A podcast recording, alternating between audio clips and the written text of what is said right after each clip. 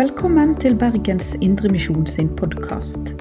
For mer informasjon om oss, besøk oss på betlehem.no, eller finn oss på Facebook og Instagram der som Bergens Indremisjon.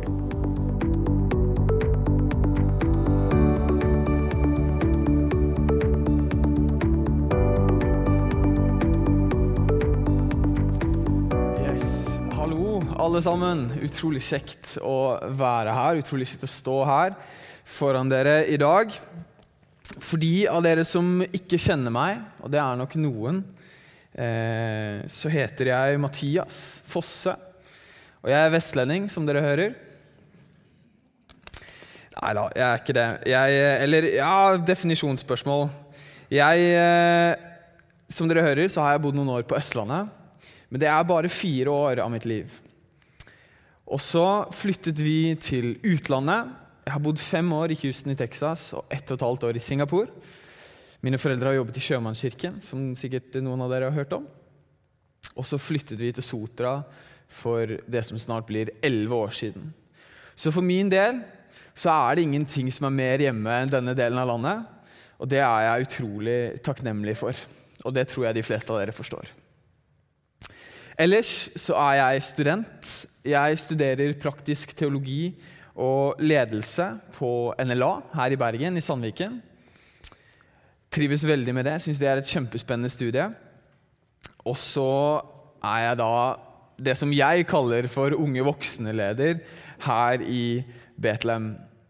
I min stilling, altså min teknisk sett, så er min stilling eh, ungdomsleder. Så jeg tenkte at når jeg først står her foran dere, så må jeg si at for de av dere som føler dere som ungdommer sant? For det er jo en opplevelse, det er jo ikke et tall som står i passet, men det er en opplevelse av hvem en er. Så for de av dere som føler dere som ungdommer, så er det jeg som er ansatt for å være leder for dere. I dag så har jeg en glede av å stå her og få lov til å si noen velvalgte ord for dere. Og Jeg skal da tale ut ifra det som er søndagens tekst i dag. Og Det er Lukas 10, vers 38-42. Så hvis dere har med dere en bibel, gjerne slå opp, skal vi lese sammen. Hvis ikke, så er det på skjermen bak meg. Der står det, og vi leser i Jesu navn som alltid. Mens de var på vandring, kom han inn i en landsby. Og en kvinne ved navn Martha tok imot ham i sitt hus. Hun hadde en søster som het Maria. Hun satte seg ved Jesu føtter og lyttet til hans ord. Men Martha var trav, tra, travelt opptatt med alt som skulle stelles i stand. Hun gikk da bort til dem og sa, 'Herre, bryr du deg ikke om at min søster har latt meg bli alene med å tjene deg?' Si da til henne at hun skal hjelpe meg. Men Herren svarte og sa til henne, Martha, Martha, du gjør deg strev og uro med mange ting, men ett er nødvendig. Maria har valgt en gode del, som ikke skal bli tatt fra henne. Herre Jesus, takk for ditt ord. Takk for at vi får lov til å studere ditt ord, vi får lov til å lære, vi får lov til å se mer av hvem du er, Jesus. Nye sider av hvem du er. Vi får se mer av hva du har gjort, og mer av hva du betyr for oss og for denne verden. Herre Jesus, takk for den du er. Takk for at vi får lov til å komme til deg. Takk for at vi får lov til å komme hjem til deg, far. Vi får lov til å komme som dine barn, skyldfrie og rene på grunn av det du har gjort, Jesus. Herre Jesus, jeg har lyst til å legge denne stunden i dine hender. Du ser, eh, ja, du ser det budskapet du har lagd på mitt hjerte. Du ser det budskapet som ligger i denne teksten. Hjelp meg å formulere det på en god måte. Ber om at du skal bruke min personlighet og min utrustning til å til å dele deg, til å dele ditt budskap. Og så ønsker jeg å legge hver en som er her, i dine hender. Ber om at du skal møte dem nå i denne stunden, far. I ditt navn. Amen. Amen. Så det som skjer i denne teksten, det er at Jesus han har vært på vandring, sånn som han var i sin tjeneste. Og så kommer han til en landsby. Og I den landsbyen så bor det en dame ved navn Martha. Og hun ser Jesus, og hun inviterer han hjem til seg. Og Martha vet nok, Jeg ser for meg at Martha vet nok noe om denne mannen Jesus. Hun vet nok at han er en rabbi, eller at han er en lærer. Og hun vet at når en rabbi eller en lærer, en mann ved rang, en mann som en mann som kan sine ting, en mann som er høyt sett på i, i, samfunnet, en lærer, en rabbi, var høyt sett på i samfunnet, så vet man at da skal det stelles i stand. Da skal det diskes opp, og da skal det stelles i stand. Da skal det gjøres stas på dette besøket. Og det er det hun gjør. Hun begynner å stelle i stand, hun begynner å diske opp. Vi vet ikke helt hva hun gjør, men jeg tipper at det er normalt involvert. Og hun begynner å gjøre klar for å gjøre stas på denne gjesten som hun har fått på besøk. Men det Martha ikke vet, eller det jeg ser for meg i hvert fall, at Martha ikke vet, det er at hun har faktisk en konge på besøk. Og det gjør at hun vet ikke hvor rett det hun egentlig gjør, er. Fordi det er naturlig å diske opp. Det er naturlig å stelle i stand når man får en konge på besøk. Når jeg bodde i Houston Jeg var bare en liten gutt. Jeg flyttet derfra da jeg var ni, så jeg bodde fra fire til ni. Men når jeg bodde i Houston, så er det én ting som skjedde som jeg husker spesielt godt. Og det er at kongen og dronningen kom på besøk til sjømannskirken i Houston. Kan dere se for dere hvor stort det var? Altså, Da snakker vi oss til i stand. Sikkert måneder, år kanskje, i forveien så har de begynt å gjøre klart, så har de begynt å stelle i stand. Så har de begynt å planlegge for at kongen og dronningen skulle komme på besøk. Og da snakker vi kongen og dronningen som vi kjenner til her i Norge. hvis det var noe spørsmål om det. Og dere kan, altså Denne dagen her, For meg så er det bare et surr, men jeg husker masse folk som planlegger, masse pynting. Kirka så, så, så nok helt annerledes ut enn det den vanligvis gjør.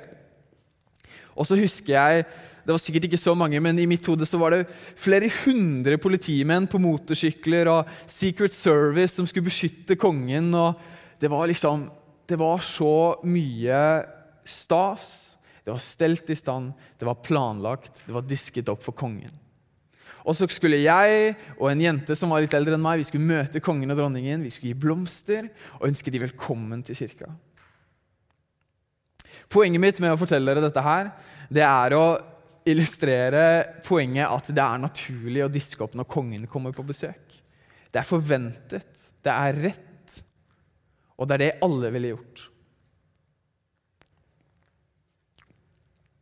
Så Martha hun vet egentlig ikke hvor rett det hun gjør, er.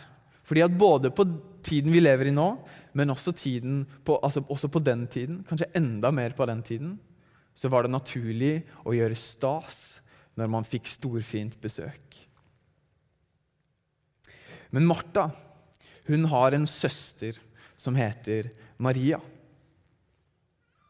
Og Maria gjør nok det som hun egentlig ikke skulle gjøre. For istedenfor å hjelpe sin søster Martha, Martha som har invitert denne gjesten hjem Hjem til Martha og Maria. Istedenfor å hjelpe hun, så setter hun seg ved Jesu føtter og lytter. Og bare er der sammen med Jesus. Tjener ikke, steller ikke i stand. Hun setter seg ved Jesu føtter og lytter. Og Vi vet ikke hva de snakker om. Vi vet ikke hva Jesus sier. Men det vi vet, det er at seinere i Jesu liv, før han skal dø, så er det Maria som kommer til ham og salver føttene hans. Og så vet vi at dette er et frampek på det som skal skje med Jesus. At en dag så skal han klatre opp på et kors og dø.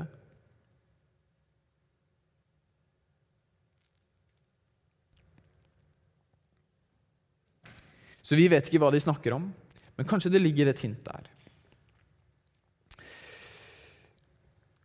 Men så ser vi at Martha, som jobber hardt, som gjør seg strev og uro, som Jesus sier, hun blir frustrert over sin søster som bare sitter der med Jesus. Og det må nok være noe av det mest forståelige i denne, i denne historien her. For hvem av oss blir ikke frustrert når vi gjør masse jobb, og så føler vi at noen andre sluntrer unna? Hvem av oss blir ikke frustrert? Hvem av oss har ikke hatt den opplevelsen av at her står jeg på, her gjør jeg alt klart, her tjener jeg mine venner, og så er det ingen som hjelper meg? Og, Maria skulle jo hjelpe til, for de hadde invitert Jesus hjem. Så Martha hun går til Jesus, og så sier hun det vi leser i vers 40. Hun sier, 'Bryr du deg ikke? Bryr du deg ikke?' Om at jeg tjener deg her alene. Og Maria bare sitter her. Bryr du deg ikke, Jesus? Om at jeg gjør det som er rett, om at jeg tjener deg, jeg steller i stand for deg, jeg har lyst til å gjøre stas på deg. Og så sitter min søster her og bare høre på deg. Jeg ser for meg at i Martha sitt eh, hode, hvis hun hadde levd i dag, så hadde hun sikkert brukt ord som at 'Og så sitter min late søster her og gjør ingenting'. Bare lytter til deg snakke. Og så virker det som om det neste hun gjør, er nesten å kommandere Jesus. Hun sier til Jesus, 'Si til hun at hun skal hjelpe meg.' Si til hun at hun skal hjelpe meg.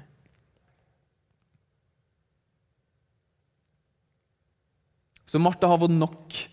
Martha er lei. Martha er frustrert, og hun klager. Og så ser jeg for meg Jesus som sitter der med Maria. Se opp på Martha og si det som han sier, som vi kan lese i vers 41 og 42. Se opp på Martha med et varmt blikk et kjærlig blikk og si, 'Martha, Martha, du gjør deg strev og uro med mange ting.' Men ett er nødvendig. Maria har valgt den gode del, som ikke skal bli tatt fra henne.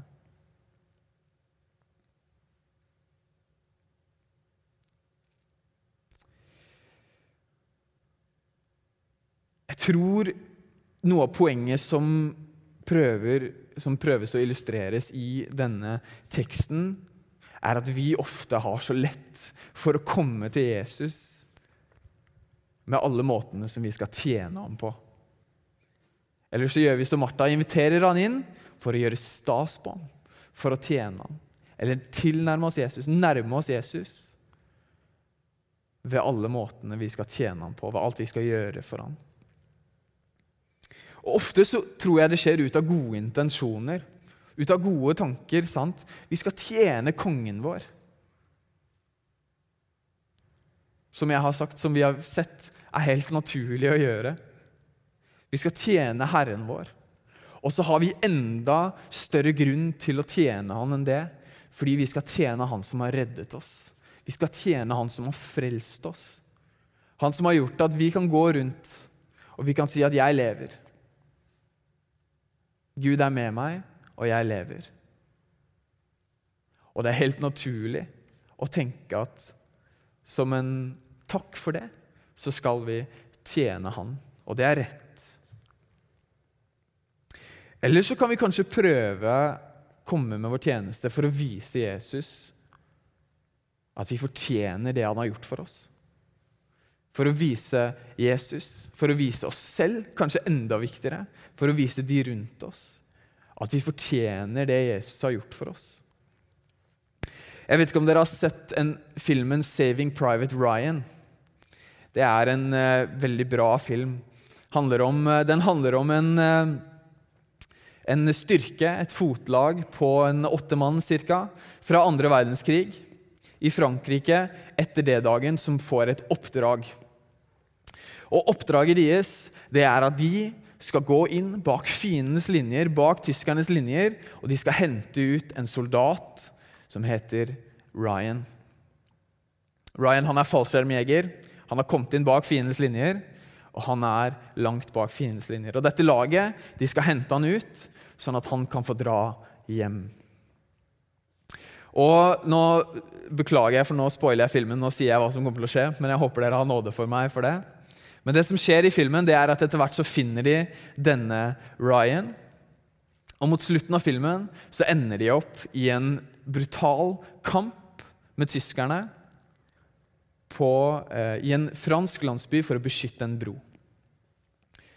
Og I denne kampen så dør alle i denne styrken som skal redde ut denne mannen. Og til slutt så er det denne mannen ved navn Ryan, og så er det kapteinen som ledet denne styrken igjen.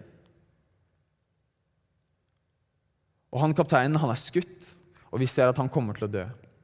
Og Så sier denne kapteinen til Ryan han sier, 'Earn this'. Fortjen dette. Fortjen at vi har kommet inn her, ofret livet vårt for at du skal få leve. Fortjen dette. Og jeg kan bare se for meg det livet som Ryan må leve etter dette her, hvor han skal prøve å gjøre seg fortjent til at åtte menn, eller det var kanskje færre eller flere, har, for, har dødd for at han skal få leve. Jeg kan se for meg det livet i et jag etter å være, gjøre seg fortjent til dette. Og så er Poenget mitt med dette det er å si at ofte så tror jeg vi også møter Jesus på denne måten. Eller vi kan forholde oss til Jesus på denne måten. Kanskje ubevisst. At vi ser for oss Jesus på korset på samme måte som Ryan og kapteinen, Jesus som henger på korset og sier 'fortjen dette'. Fortjen dette, Mathias.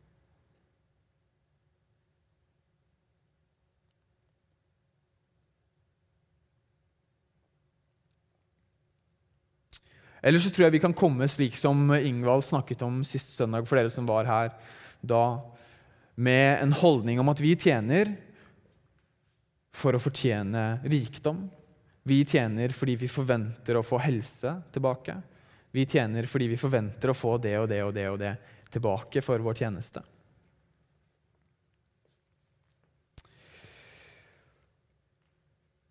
Når jeg var liten, så elsket jeg å bygge Lego. Og det, er, det er jo noen av dere som er på min alder her, jeg tror dere kanskje kjenner dere igjen.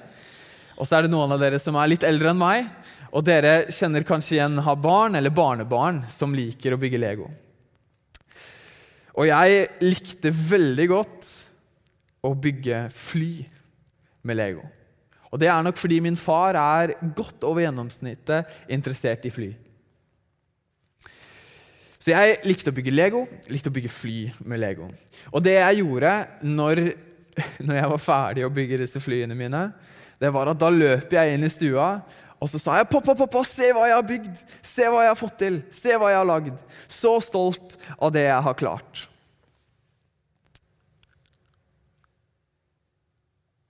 Og så tror jeg av og til at det er sånn vi kommer med vår tjeneste til Jesus. Vi kommer inn løpende inn til Jesus. 'Jesus, Jesus, se hva jeg har gjort! Se hva jeg har fått til! Se hva jeg har klart!'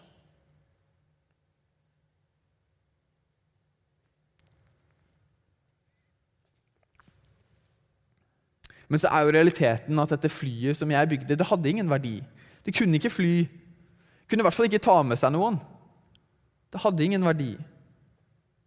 Og litt sånn er det med når vi kommer med vår tjeneste for å vise fram, for å gjøre oss fortjent. For å vise at vi har gjort rett, for å vise at vi har fortjent det Jesus har gjort, for å vise at vi fortjener noe mer. At da er det verdiløst. Det har ingenting å si. Og der dette bildet kommer til kort, og det skal jeg innrømme at det gjør, der dette bildet kommer til kort, er at vi er kalt til å tjene. Det er rett at vi tjener. Det er rett at vi gjør det og det og det. Det er rett at vi tjener Herren vår. Men i møte med det Jesus har gjort for oss, i møte med det han har gjort, så det, gjør det ingenting for å gjøre oss fortjent til det. Og så vil jeg si at Alle disse tingene som jeg har nevnt nå, sant? disse tankene om at vi skal fortjene det han har gjort for oss, disse tankene om at vi skal fortjene noe mer, disse tankene om at vår tjeneste har verdi i møte med det Jesus har gjort for oss, alle disse tingene det er frukter på at vi egentlig ikke kjenner far. Og enda en frukt på det, på at vi ikke kjenner far, det er hvis vår tjeneste blir det som står i veien for at vi kommer til han. Fordi jeg tror noen av oss vi gjør sånn som jeg gjorde med legoflyet mitt. Vi kommer inn til Jesus stolte og fornøyde med det vi har gjort og det vi har fått til. Men så tror jeg også mange av oss, kanskje enda flere av oss, vi ser på vår tjeneste. Vi ser på det vi gjør. Og så ser vi at det er jo ikke bra i det hele tatt. Om vi har tjent i menighet, så ser vi at ja, men det blir jo ikke noe mer. Det blir jo ikke noe større. Eller så ser vi på innsatsen vår og tenker ja, men jeg kunne jo gjort mye mer. Jeg kunne jo gjort mye mer. Jeg har jo vært lat. Jeg har sett på Netflix. Jeg har sittet på mobilen. Jeg kunne jo gjort mye mer. Og på den måten så kan vår tjeneste, eller vår tanke om hvordan vår tjeneste skal være, det kan bli det som står i veien for at vi kommer til Jesus i det hele tatt. Fordi vi skammer oss. Fordi vi mener at vi ikke har gjort oss fortjent. Og som sagt, disse tingene her, det er alle frukter på at vi ikke kjenner vår far. Det er frukter på at vi ikke kjenner vår far. Det er frukter på at vi ikke vet hvem Gud er.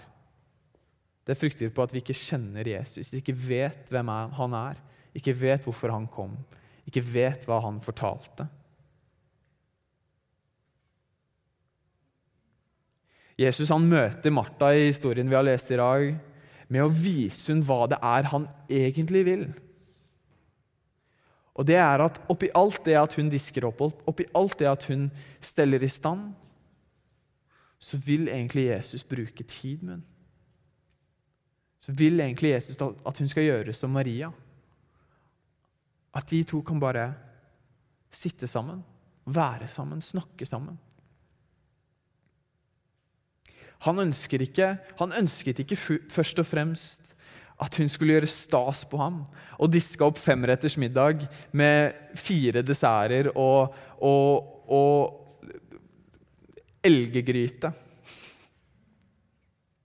Nei, han ønsket at hun først og fremst skulle sette seg ned med ham, og at de skulle bruke tid sammen.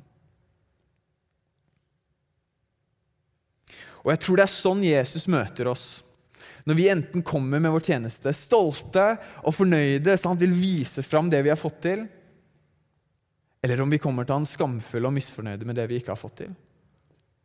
Eller om vi ikke tør å komme til han i det hele tatt fordi vi ikke har fortjent det, fordi vi ikke har gjort nok, fordi ikke vi har klart det, fordi ikke vi har hatt nok suksess med det vi skulle gjøre. Så tror jeg han møter oss på den samme måten. Han møter oss med å si ja, ja, det er fint, det Det er fint, det du gjør.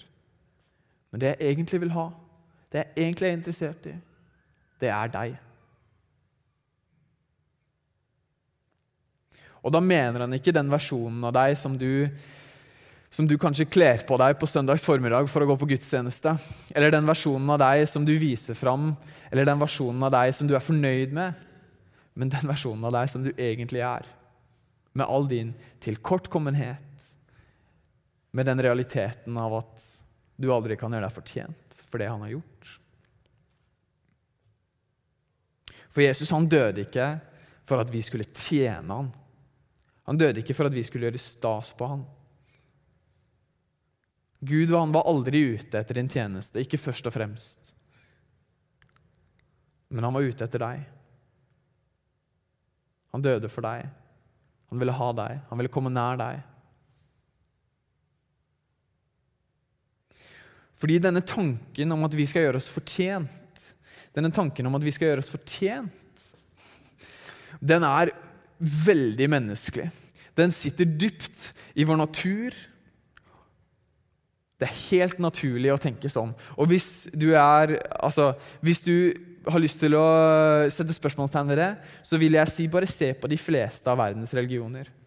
De fleste trossystemene, de fleste tingene mennesker tror på så handler det om at mennesker skal gjøre seg fortjent til å komme til paradis. De skal gjøre seg fortjent til å få et bedre liv når de blir gjenfødt.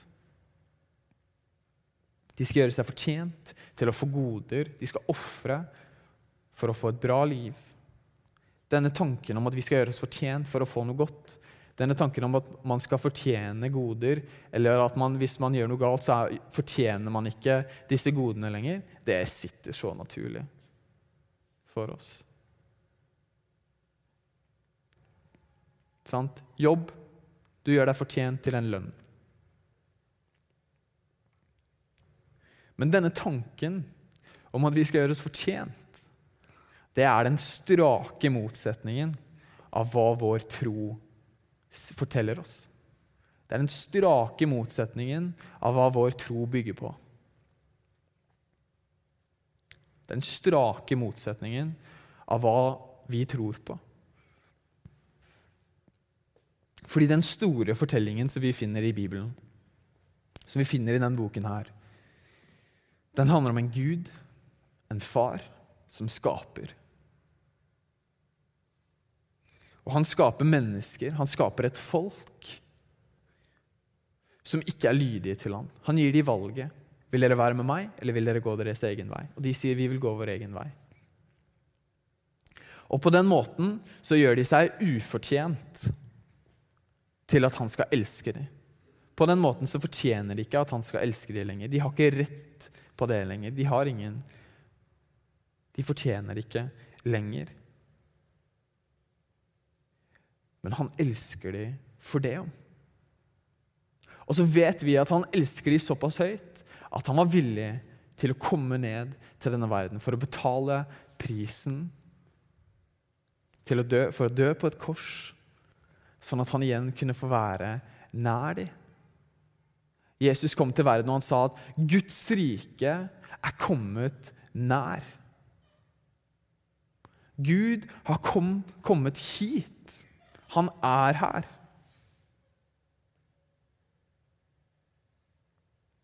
Og han er nær et folk som ikke fortjener det. Men Gud han kom ikke nær han kom ikke hit for å se oss tjene ham, først og fremst. Han kom nær for å være med oss, for å leve i den relasjonen som han ønsket å leve med oss fra dag én. Se på Adam og Eva i hagen. Der er alt stelt i stand. Det betyr ikke at de ikke jobber, det betyr ikke at de ikke gjør noe i hagen. Men de gjorde seg aldri fortjent til å være der. De måtte aldri betale for å være der. Nei. Og det var ikke tjenesten som Gud var interessert i der. Nei, han ville leve i perfekt relasjon med mennesker. Og Det er derfor han har kommet nær igjen. For å leve i relasjon med mennesker, for å være med oss, for å være nær oss.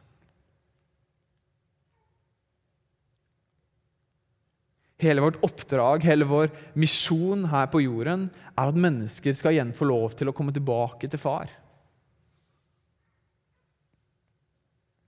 Hele vår tjeneste handler om dette. At mennesker skal få lov til å komme tilbake til far. Komme nær ham. At de skal få lov til å slippe han inn, slippe han til. Og så lengter vi fram til en evighet hvor vi også skal få lov til å leve i perfekt relasjon med far. Bruke tid med han, være med han, snakke med han.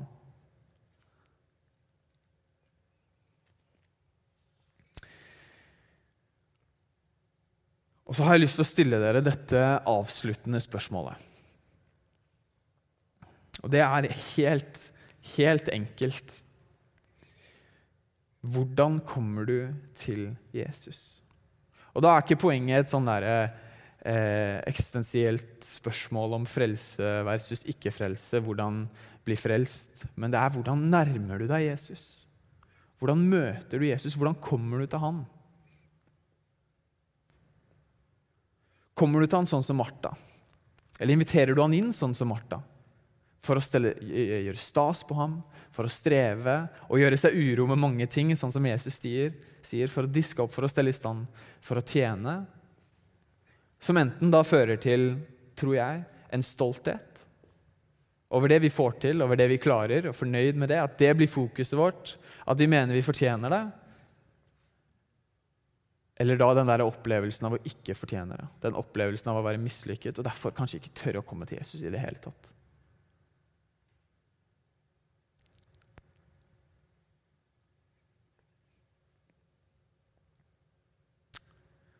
Eller kommer det til han sånn som Maria gjorde? Med ingen tanke av å gjøre seg fortjent. Ingen tanke av å få det til. Ingen tanke om hva som er rett innenfor samfunnets forventninger. Men fordi du rett og slett ønsker å bruke tid med ham. Gjør du som Maria. Setter deg ned ved hans føtter og snakker med ham. Og lytter og bruker tid.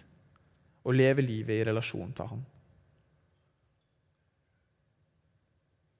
Hvordan kommer du til Jesus? Hvordan nærmer du deg Jesus? Herre Jesus, takk for den du er. Takk for den historien vi har lest i dag om søstrene Martha og Maria. Takk for at du viser oss med denne historien at det du er interessert i, det er å være nær oss. Det er å bruke tid med oss. Det er å sitte med oss. At du ikke først og fremst er interessert i alt vi skal gjøre for deg, men du først og fremst er interessert i oss. At du først, og fremst er interessert i meg. Herre Jesus, hjelp oss å komme til deg på denne måten. Hjelp oss å ikke bli så opphengt i alt vi skal få til, alt vi skal klare, alt vi skal gjøre, men å komme til deg helt og enkelt for å bruke tid med deg. Herre Jesus, hjelp oss å se at det er sånn, at det er en måte vi kan elske deg på.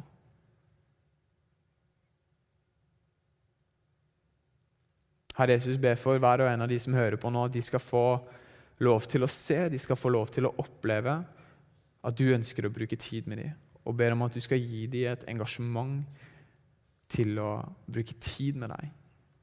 Ber dem om at du skal hjelpe dem å se hvordan de skal gjøre det og ber, du, ber deg om at du skal hjelpe dem å se at det er det du ønsker, og hjelpe dem å se ikke minst hvor godt det er, og hvor bra det er, og hvor givende det er, Jesus. Og så har jeg lyst til å til slutt å bare takke deg for at det i det hele tatt er mulig. Takke deg for at det i det hele tatt er mulig at vi får lov til å komme nær deg. At det i det hele tatt er mulig pga. det du har gjort for oss, fordi at du var villig til å ta straffen, du var villig til å betale prisen. Du var villig til å kjempe den kampen som vi aldri kunne vunnet på egen hånd. Takk for det, Jesus, og ber deg om at vi om at vi skal få lov til å se at pga. det så får vi lov til å komme nær til deg. Og at vi skal få lov til å gjøre det, Jesus. Takk for det, Jesus. Så jeg har lyst til å legge denne gjengen her, alle sammen, i dine hender. Ber om at du skal være med dem, og ber om at vi skal også få lov til å bety en forskjell for mennesker rundt oss. I ditt navn, far. Amen. Amen. Tusen takk for at dere ville høre på meg. Du har lytta til Bergens Indremisjon sin podkast. For mer informasjon om oss, besøk oss på betlehem.no, eller finn oss på Facebook og Instagram der som Bergens Indremisjon.